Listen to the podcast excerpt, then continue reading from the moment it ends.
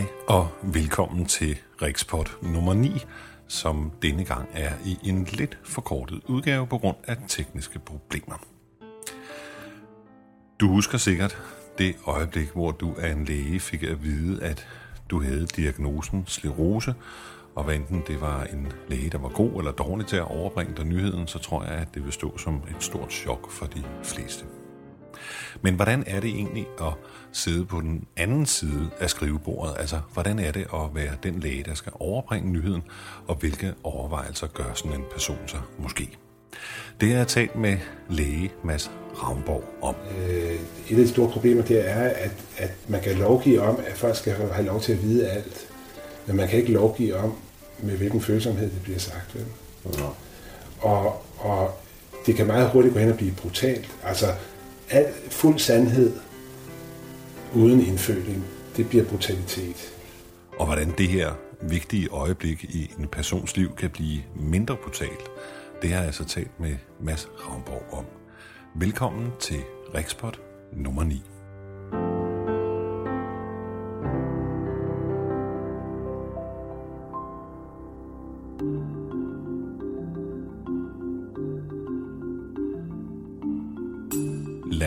næsten traditionen tro starte denne udsendelse med en undskyldning. Det var meningen, at jeg ville have produceret dette podcast og udgivet det i den weekend, vi lige er kommet ud af. Men både min kone og jeg var syge med feber, Øhm, og så, da jeg satte mig til computeren i går, sådan feberfri forholdsvis, for at gå i gang med at producere den her udsendelse, så øh, gik det op for mig, at jeg til synligheden har smittet min computer. Øh, ikke med feber, men med noget, der er værre, altså noget autoimmunt. Jeg ved ikke, om min computer har fået slerose, men der er noget, der kan tyde på det. Et eller andet helt galt er der i hvert fald.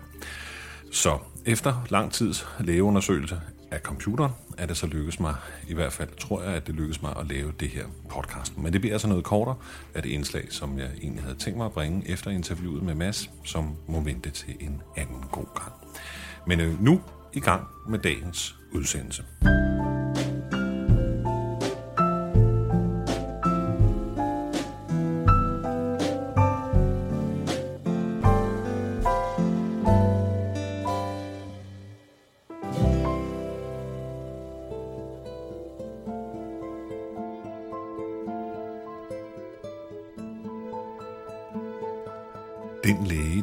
I sin tid overbragte mig diagnosen, jeg kan ikke huske, hvad hun hedder, det kan også være lige meget, men hun var i hvert fald ikke særlig god til det. Hun sagde blandt andet sætningen, nu skal du ikke gå i panik, sådan cirka fire gange i løbet af diagnosen, og øh, ja, det havde i hvert fald den modsatte effekt. Øh, hun stod nede for enden af min seng, øh, hun havde ikke rigtig øjenkontakt, hun stod og fumlede med papirerne, og ja, da min kone gav sig til at græde, øh, så kiggede hun på hende næsten som om, at det var da en irriterende ting at begynde på, sådan, og afbryde hende midt i det her vigtige øjeblik. Det kunne gøres bedre. Jeg tror, at øh, nyere læger, yngre læger i dag øh, får noget træning i det i forbindelse med deres uddannelse, nemlig det at skulle overbringe en, en nyhed til et andet menneske. En nyhed, som man måske i virkeligheden slet ikke har lyst til at høre. Jeg tror også, der er noget personlighed med i billedet. Øh, for nogle læger er det øh, nemmere at gøre det. Og en af de læger, som jeg har mødt i min tid, hvor jeg har gået på Rigshospitalet, som jeg i hvert fald følte, at jeg havde en god kemi med, han hedder Mads Ravnborg. Han er lige stoppet, eller stanset på øh, Rigshospitalet og flyttet til Roskilde, så dem i Roskilde-området, der kan få masser af læge, kan i hvert fald godt glæde sig. Han øh, er i hvert fald en læge, der forstår at lytte og forklare tingene stille og roligt, og man føler, at der er tid til ja, både de svære følelser og de mange spørgsmål. Jeg tog interviewet med Mass i et øh, ja, ikke så velegnet lokale inde i øh, lægernes hus, så der er altså temmelig meget støj i, øh, på interviewet, altså sådan en suselyd. Men øh, hvis man bare forestiller sig, at det er vand eller sådan et eller andet behageligt, så kan det som også gå hen og blive helt rart. Kan du huske første gang, du måtte give en, en diagnose, og, og, og hvordan var omstændighederne omkring det? Jeg husker det, jeg sagde kun svagt, fordi det var på et tidspunkt, hvor jeg dybest set slet ikke rigtig beskæftigede mig sådan på specialistniveau med MS. Øh, så det fortaber sig i en, i en øh, meget fjern fortid, hvor jeg jo ikke havde nogen rutine i det, øh, og, og meget har jo ændret sig siden. Så jeg kan ikke fortælle dig, hvilke tanker jeg specielt gjorde mig, andet end at jeg selvfølgelig var bekymret og beklemt ved situationen. Mm. Og det tror jeg er, er et stort problem, at det både kræver stor enkelhed at fortælle om en diagnose af den art, men samtidig kræver det en meget stor erfaring og, og viden om det hele, for at kunne gøre det så enkelt. Øh, og, og det opnår man først hen ad vejen. Mm. At have begge dele til rådighed. Ikke? Er, det, er det noget, der, der påvirker dig? Altså det, det at skulle ind og give en, en alvorlig diagnose, er det, er det noget, som, som du også kan mærke inde i dig? Ja, bestemt. Og, og man skal heller ikke... Øh, det er ikke godt, hvis man skal sidde i situationen for, for tit, vil jeg sige, vel? fordi man, man, man, man bliver tynget af det selv. Øh, og man har jo ikke, vi har jo som læger ikke et eller andet sted at gå hen og hælde det af bagefter.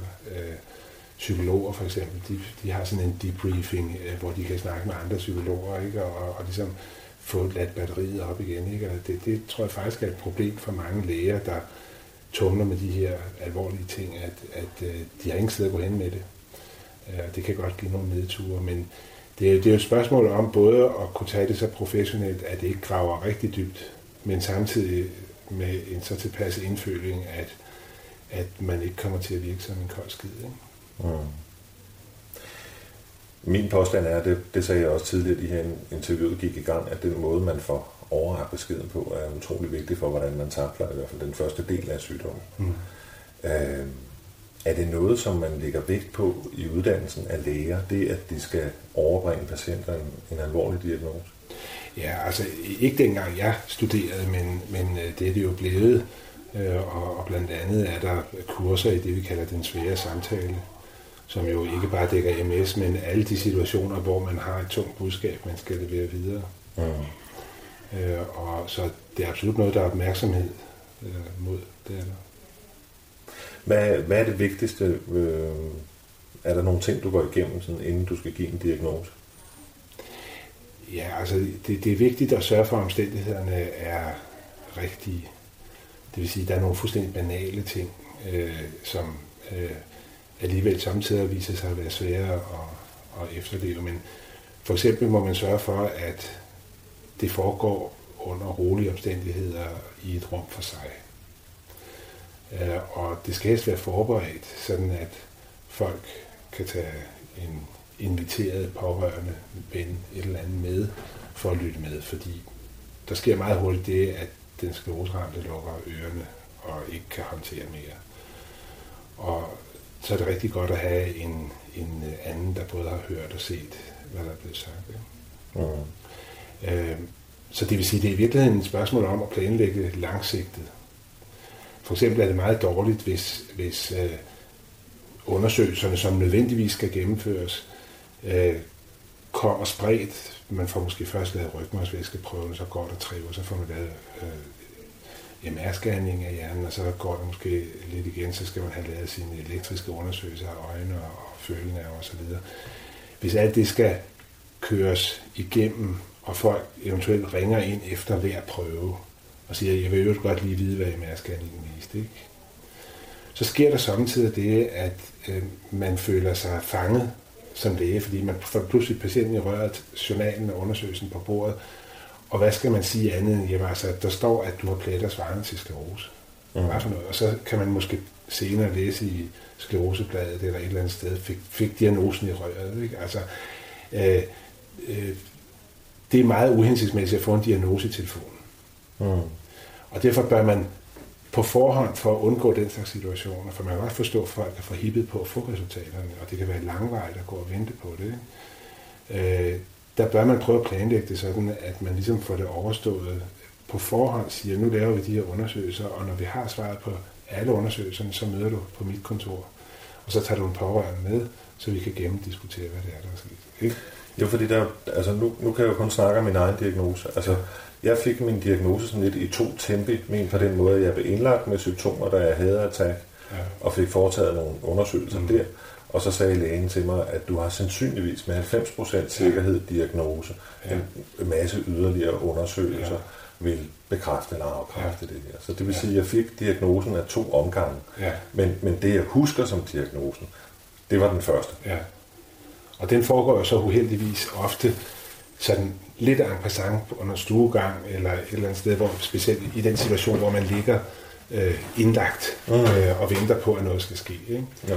Nu er det jo heldigvis sådan, at, at størstedelen af de her forløb foregår ambulant faktisk. Ikke? Øh, det er relativt få, der kommer ind og skal være indlagt for øh, i, i den der situation. Ikke? Øh, og, og det kan gøre det lidt nemmere, når det er et ambulant forløb, at sørge for, at det er planlagt på en fornuftig måde. Øh, der sker jævnligt det, når folk er indlagt, og, og så for det første har de ikke en stue, ikke? Og det kan være svært at finde et kontor, og skal man til at finde et kontor, så tager det mere tid, og, og øh, man, hvis der er noget, man ikke har lige i øjeblikket, så er det tid, og, og, og, og det gør, at folk jævnligt får besked med andre på stuen.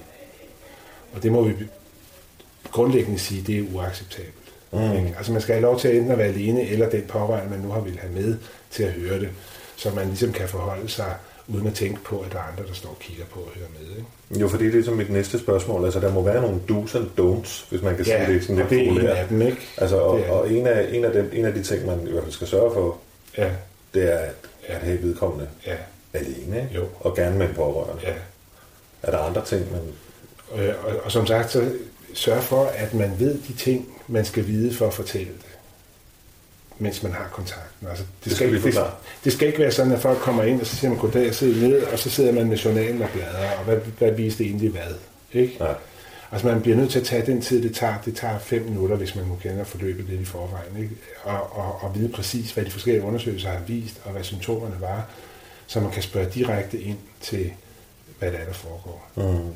Jeg plejer at sige til yngre det her, at du skal, kunne, du skal være så velforberedt, du kan snakke fem minutter med patienten på en meningsfuld måde, uden at kigge i journalen øh, så, så opnår du den rigtige kontakt. Ikke? Uh-huh. Og det gælder ikke mindst i den situation ved, ved diagnosen, som er så følsom. Ikke? Uh-huh. Du, skal kunne, du skal kunne beholde kontakten med patienten under hele forløbet. Noget så, noget så basalt som øjenkontakten, for ja. eksempel. Det vil jeg nok sige. Ja. Det vil jeg have været glad for. Ja. Og, og så også fordi, at, at det meget let bliver til, at man tyrer til at sidde og, og kigge ned i journalen for at skjule sin egen angst for situationen. Ikke? Mm. Og øh, uanset hvad du siger er positive ting, det er nok et godt forløb, og så vidt vi kan se, så bliver det roligt. Og alt det der, man nu kan sige, og som dybest set jo ofte er, kan man sige, nogle tilsnigelser, som man simpelthen kommer med for at berolige folk. Øh, og, og det virker generelt ikke, hvis man, specielt ikke, hvis man tydeligvis i sit kropssprog selv sidder og er hunderedd. Ikke? Mm. Så er det oplagt, at der er et problem. Ikke? Mm. Øh, så min, når jeg fortæller folk noget i den her sammenhæng med diagnosen, så er det for det første at sige så lidt som muligt, om som siger kun det nødvendige for at holde enkelheden i det. Fordi folk de lukker alligevel, og de, de mange spørgsmål kommer først på vej hjem. Ja, ja. Hvad så med, og hvad så med? Og hvis du har, har fortalt folk alt det, uden at de selv har formuleret spørgsmål, så husker de det alligevel ikke. Så det er et spørgsmål om at bryde det op og sige, her nu er det et spørgsmål om at give den her diagnose videre, så de ved, hvad drejer det sig om, og, og i meget store enkle træk, og så i øvrigt have gå derfra med en eller anden form for, for øh, fornemmelse af at være i gode hænder, og at det nok skal gå. Mm. Ikke? Altså, at der ligger et håb, øh, som ikke er blevet forstyrret af alle de signaler, der er kommet. Altså, jeg, for det første skal man ikke pakke ting ind. Og jeg mener heller ikke, man skal gøre dem, forfalske dem for at understøtte håbet. Det skal være sådan, at når, altså vi ved jo fra skleroseramte, at de søger masser af oplysninger andre steder, blandt andet sådan et sted som din butik, ikke? eller i skleroseforeningen, eller andre steder, og de mødes, og de snakker, og, og for hurtigt, og jeg kan huske tydeligt flere situationer, hvor to øh, øh kom hen til mig og sagde, forstår ikke helt. Han har fået præcis det modsatte at vide som øh, er jeg. Hvis man var ung, så fik man et godt forløb, og jeg har fået at vide, at jeg er gammel, og jeg har et godt forløb. Hvad er rigtigt? Ikke? Uh-huh. Og, og den slags forsøg på at gøre det til noget godartet, noget, noget, noget hvor man ligesom kan, kan regne med, at det går rigtig godt og, og stille, øh, det bliver i virkeligheden til det modsatte, en manglende tillid til, hvad det er af, af oplysninger, man får. Ikke? Jeg mener, det er vigtigt at, at melde ud, som det reelt er, at vi kan faktisk på diagnosetidspunktet sige meget lidt om, hvordan det kommer til at gå. Men man kan love folk, at man vil holde dem i hånden, indtil man finder ud af det. Ikke? Mm. Og at der kommer til at gå nogle år. Ligesådan et faktum, som, som man kun med erfaring kan, kan, kan, kan sige noget om, det er, at, at uh, alle føler jo, at bomben springer. Du gik i sort, ikke? Og, mm. og, og, og det gør folk. Og, og det eneste, man kan sige, det er, at i de kommende par år vil der være meget uh, tumult i dit liv, i dit følelsesliv, fordi du vil føle det som rutsjebanetur, og så pludselig synes du, nu går det godt, og så går det rigtig skidt. Og, og de der rutsjeture vil typisk køre et par år, og så begynder de at stene af, og så finder man ud af, at man godt kan have en god livskvalitet under de nye betingelser, når man er kommet lidt længere. Ikke? Der, er, mm. der er lys for enden af tunnelen. Ikke? Og, og det mener jeg sagtens, man kan formidle på en troværdig måde, hvis du tør at være ved situationen, og samtidig lade være med at fylde alle mulige falske håb på. Øh, og det er sådan set det stærkeste, folk skal gå ud af døren med. Det er den følelse af, at man kunne mærke, at det han sagde, det mente han også. Ja. Øh, og, og, og så kan man sige bevidstheden om, at det kan godt være, at det er, bliver forfærdeligt her den kommende tid, men jeg ved, at jeg har et ankerpunkt et sted. Ikke?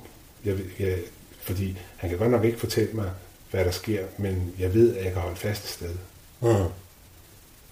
Så redselsversionen af diagnosen, det er fredag eftermiddag, den sidste patient på stuegang på sekslingsstuen. Man får at vide, hvad man fejler. Man kan godt gå hjem, fordi det kan man ikke gøre noget ved alligevel. Og, Nej, jeg vil sætte hjem og holde ud. Ja, ikke? Og, og, og, og, og, og, og, så kan du jo snakke med din egen læge, og i øvrigt her er der en brochure fra Sklovsforeningen. Ikke? Ja. Altså, øh, folk går hjem til en weekend, hvor de ikke kan gøre noget. Der har ikke været nogen pårørende til at høre, hvad der blev sagt. Øh, der har i øvrigt været seks andre patienter på stuen, som har hørt alt, hvad der blev sagt, og, og øh, man er totalt lammet. Ikke? Altså mm. det, det kan man sige, det er sådan lidt karikeret øh, situation, men, men ikke desto mindre hører man stadigvæk en gang imellem beklageligvis om de oplevelser. Ikke? Du nævnte selv ordet kold skid før i forbindelse med en læge. Du sagde, at det var vigtigt ikke at virke som en kold skid. Ja. Har, har du nogen forklaring på, hvordan det kan være, at, at, at læger meget ofte bliver opfattet som en kold skid?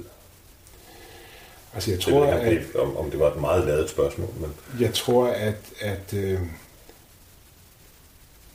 at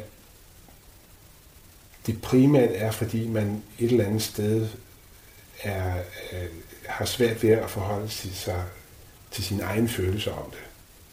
Og så bliver det meget let til, at man vil gerne fylde en masse ting på, for på en eller anden måde barrikadere sig, og, og så får man sagt en hel masse faktuelle ting, øh, og som dybest set ikke er, er positiv værdi i situationen. Sådan ting som for eksempel at tillade, at der er stillhed. Ikke? Altså, det kræver, at man på en eller anden måde tror på sin egen bæreevne. Ikke? Vingerne skal bære i situationen, at man godt kan læne sig tilbage og lade gå et minuts tid, hvor folk bare sidder og kigger ud i luften. Ikke? Mm. Uden at man skal sige, okay, det er det nu, vi ser at komme videre. Ikke? Mm. Øh, den tid er med til at forsejle en bevidsthed om, at der er en anden bæredygtighed i det her. I det, der bliver sagt. At det er troværdigt, at man kan gå videre med det. Mm. Selvom det er et lille trin, øh, man skal bygge op på. Hvorimod, hvis man læser information på, og i øvrigt tydeligvis ikke kan holde ud, at der er tavshed et øjeblik, fordi man sætter hundred ved situationen, så, så bliver det meget forkrampet og, og meget lidt tillidsvækkende.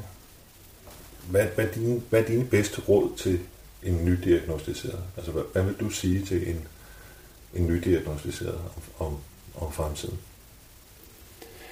Og desværre kan det jo så ikke, som jeg så set ligger i det, jeg har siddet og sagt, øh, ikke komme med en patentløsning på, hvad der skal siges, fordi det varierer altså fra person til person. Mm.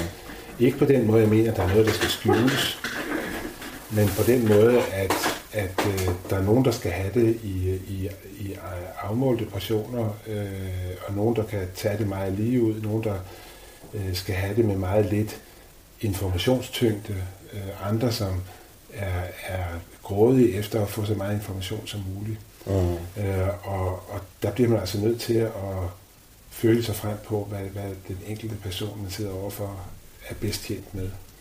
Det kan måske lyde sådan lidt patroniserende, øh, men, men man kan ikke bare slå det op i en bog. Du skal sige det her. Mm. Og det er jo en af de misforståelser, der kan man sige, med den, med den større åbenhed, den lovmæssige åbenhed inden for, for sundhedssektoren, som jo i sig selv er udmærket.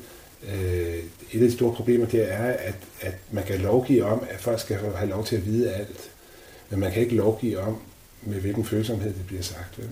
Ja. Og, og det kan meget hurtigt gå hen og blive brutalt. Altså, al, fuld sandhed uden indføling, det bliver brutalitet. Og på den anden side opfylder det jo, kan man sige, lovens bogstav. Ikke? Man har fortalt, hvad det var. Ikke? Øh, og, og derfor bliver man nødt til at påtage sig, mener jeg, som læge, den rolle af forkynder eller formidler af den viden, der ligger. Fordi man kan ikke bare sige, at det skal gives øh, i, i, i det fulde omfang øh, og på samme måde til hvem som helst. Øh, man bliver nødt til at, at tage det hen ad vejen og skære det til på den måde, man kan mærke, at folk er i stand til at modtage det. Hvad er det vigtigste? Kan man se det? Hvad er det vigtigste for dig? At give, give dem håb eller give dem information? Begge dele. Fordi på mange måder knytter håbet sig til informationen. Det kommer jo ikke bare ud af det blå. Men der skal være en overensstemmelse mellem altså håbet opstår i virkeligheden. Du kan ikke formidle et håb i sig selv. Altså håbet opstår ved, at der er en information, som er understøttet af en formidling og en integritet hos meddeleren, som får det til at bære igennem. Hvis, hvis du kommer med en masse information, som ikke bunder i en eller anden form for vidshed eller tryghed i formidlingen, så opnår du det modsatte. Hvis jeg for eksempel som nydiagnostiseret spørger dig, hvor stor chance er der for, at jeg havner i en kørestol? Ja. Hvad, hvad vil du så svare? Så vil jeg sige, at inden for de kommende 10-15 år er den lille. Men at vi ved, at når man er ude på 20, 30, 40 år efter diagnosen, øh, så er sandsynligheden for, at man har en eller anden form for blivende ganghandicap relativt stor. Men at man ikke har mulighed for at stille en særlig eksakt prognose, øh, specielt ikke når det drejer sig om de første øh, 10-15 år. På det tidspunkt, hvor vi sidder og stiller diagnosen. Mm. Problemet med, med den diagnostiske, øh, hvad det, den prognostiske sikkerhed er, at, at øh, man bliver nødt til, man kan ikke bare på det tidspunkt, hvor man stiller diagnosen og har en MR-scanning og har forskellige informationer hos en ny opstået, ved en, en nyopstået symptom, mulighed for at sige, hvordan forløbet bliver aggressivt eller godartet. Det er noget nemmere, hvis man har 5-10 års øh, sygdomsaktivitet tilbage i tiden, hvor man altså fordi folk bare ikke er blevet udredt, men kan fortælle om, at så havde de en sygsnervebetændelse, den gik væk, ikke? og så gik der fem år, så fik de en snoren i højre fod, og det gik også væk, og nu sidder de her og har fået en dropfod, ikke? Øh, og det vil sige, at patienten har på det tidspunkt altså haft sygdom i 10 år. Ikke? Så får man pludselig en tidslinje at sigte efter, og så kan man sige, hør nu her, det her, det, det ser meget roligt ud. Så kan, så kan man ligesom begynde at tillade sig allerede på det tidspunkt at være mere positiv i sin, i sin fremskrivning. Mm. Øh, men hvis sygdommen, er, hvis sygdommen er opstået i, i sidste måned, øh, er du på bar bund. Og det mener jeg, at man bliver nødt til at vedkende sig, i stedet for at sidde og digte. Og så må man sige, vi kan ikke sige noget om lige præcis, hvad der sker. Man kan snakke noget om, hvad sker der i store grupper. Det er, at vi har en masse oplysninger om, hvad der er sket i store grupper tidligere. Men der må vi så igen tage det forbehold, at det var ubehandlet. Ja, der var jo ikke den medicin. Der var ingen den. Alle de store resultat, altså resultaten fra de store grupper har vi fra ubehandlede personer. Mm. Og, og vi har ingen anelse om, hvor meget det ændrer på, på øh, fremskrivningen af folk, de kommer hurtigt i behandling. Mm. Men vi har jo en idé om, at det ændrer noget, for ellers ville vi nok ikke gøre det. Øh, så vi venter stadigvæk på at få efterhånden som erfaringerne med de nye behandlinger, de øh, bliver langvarige. Øh, man skal nok helst op på 25 år. Øh, så begynder man at formentlig at kunne se de resultater, som vi går og venter på at fortælle om. Men det er jo egentlig lidt ironisk, kommer jeg til at tænke på, at i dag, hvor der er så mange flere mediciner, man kan tilbyde mm. den nydiagnostiserede, der er prognosen endnu mere usikker, end den var ja, for eksempel det kan du sige. sygdommen for, ja. for 13 år siden. Præcis. Altså det eneste, vi kan sige, det er, at, at det, selvom den måske er mere usikker, så er den, har vi i hvert fald ikke grund til den, at tro, at den er værre. Vel? Ah, ah. Så, så den er vel nærmest bedre. Ikke? Mm. Så man kan sige, det er til den bedre side af det, vi ved i forvejen. Ja, det, det, det er bedre, at I ikke ved noget, ja, end, end, end ja. I ikke vidste noget på. Vi har ikke så eksakt viden, Nej. vel? Nej. Øh, men vi kan med rimelig sikkerhed sige, at det, det går bedre, end det gjorde med de præcise tal. Mm.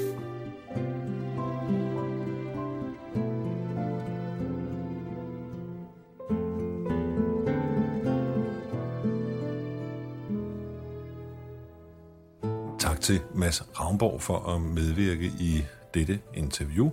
Og jeg kan sige til dem, der gerne vil høre mere til Mads, at øh, jamen, jeg fik faktisk to interviews med ham. Øh, det her, som I lige har hørt, og så et, der kommer til at handle om forskning. Det bliver sendt på et senere tidspunkt. Om det bliver næste podcast, er jeg stadigvæk lidt usikker på. Lad mig slutte med at øh, sige, at at alle de mange sklerosepatienter, som jeg har talt med, der har diagnoseforløbet altid været forskelligt. Der er mange måder at få diagnosen på. En ting, vi har til fælles i hvert fald, hvis man kigger på statistikken, det er, at der går cirka syv år fra det første symptom, og så til, at man får diagnosen. Og der er altså en lang periode, der er gået der med stor usikkerhed, i hvert fald for mit vedkommende, en masse undersøgelser, en masse læger, der bare har rystet på hovedet og sagt til mig, at det nok var noget, jeg skulle lære at leve med, sådan lidt læst mellem linjerne, at det nok var noget psykisk. Jeg var sådan næsten parat til at kalde mig selv for hypokonter, og så måtte lære at leve med det, indtil at jeg fik et attack og blev indlagt. Så fik jeg så en 80% sikker diagnose ved attacket, og der gik omtrent et halvt år, før jeg fik den endelige diagnose. Men det, jeg husker som diagnosetidspunktet, det var altså den her 80% diagnose. Det er meget forskelligt fra patient til patient, og en ting, der i hvert fald har ændret sig øh, fra den gang, hvor jeg fik diagnosen, og så til i dag, jamen, det er jo simpelthen internettets øh, tilblivelse. Og det, jeg tror, mange patienter gør lige så snart de får en eller anden mistanke om, at det er sklerose, de fejler, om det er, at de går på internet, og det er jo både godt og skidt.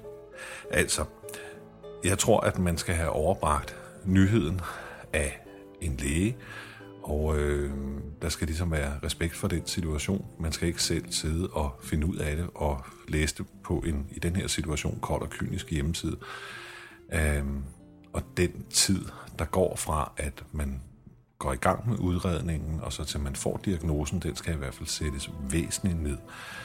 Øh, og ikke som det er i dag, hvor det ofte kan være op til et halvt år.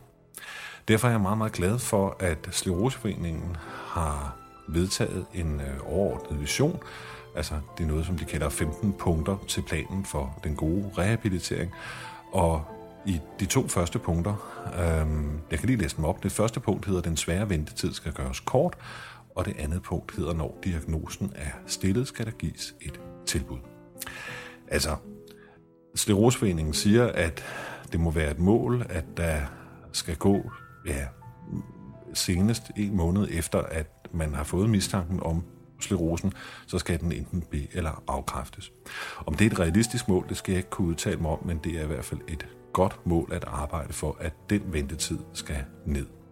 Og så øh, forslag nummer to, altså når diagnosen er stillet, så skal der gives tilbud, som skal målrettes til de enkelte, uanset hvor i landet man bor. Fordi i dag er der kæmpe stor forskel på, hvor man bor og hvilket tilbud man får. Men det er altså vigtigt at gå i gang med noget, ja, måske rehabilitering eller medicinsk behandling, straks efter, at man har fået diagnosen. Det er en vældig god plan, og jeg lægger et link til den her under podcastet, så du kan gå ind og læse den. Rikspot er ved at være slut for i dag. Det er faktisk slut. Jeg er ved at blive indhentet af min slutjingle, som I kan høre. Øh, jeg siger på genhør om cirka tre uger, og så kan jeg lige sige her til sidst, at hvis du har lyst, så kan du gå ind på hjemmesiden under medier og læse nyt om kognitiv rehabilitering. Jeg har i hvert fald lagt en kommentar til sagen, som jeg sådan mere eller mindre betragter som afsluttet, og der er også en lille lusing til Skleroseforeningen, når de nu har fået roser. Men øh, tak for i dag, og på genlyt.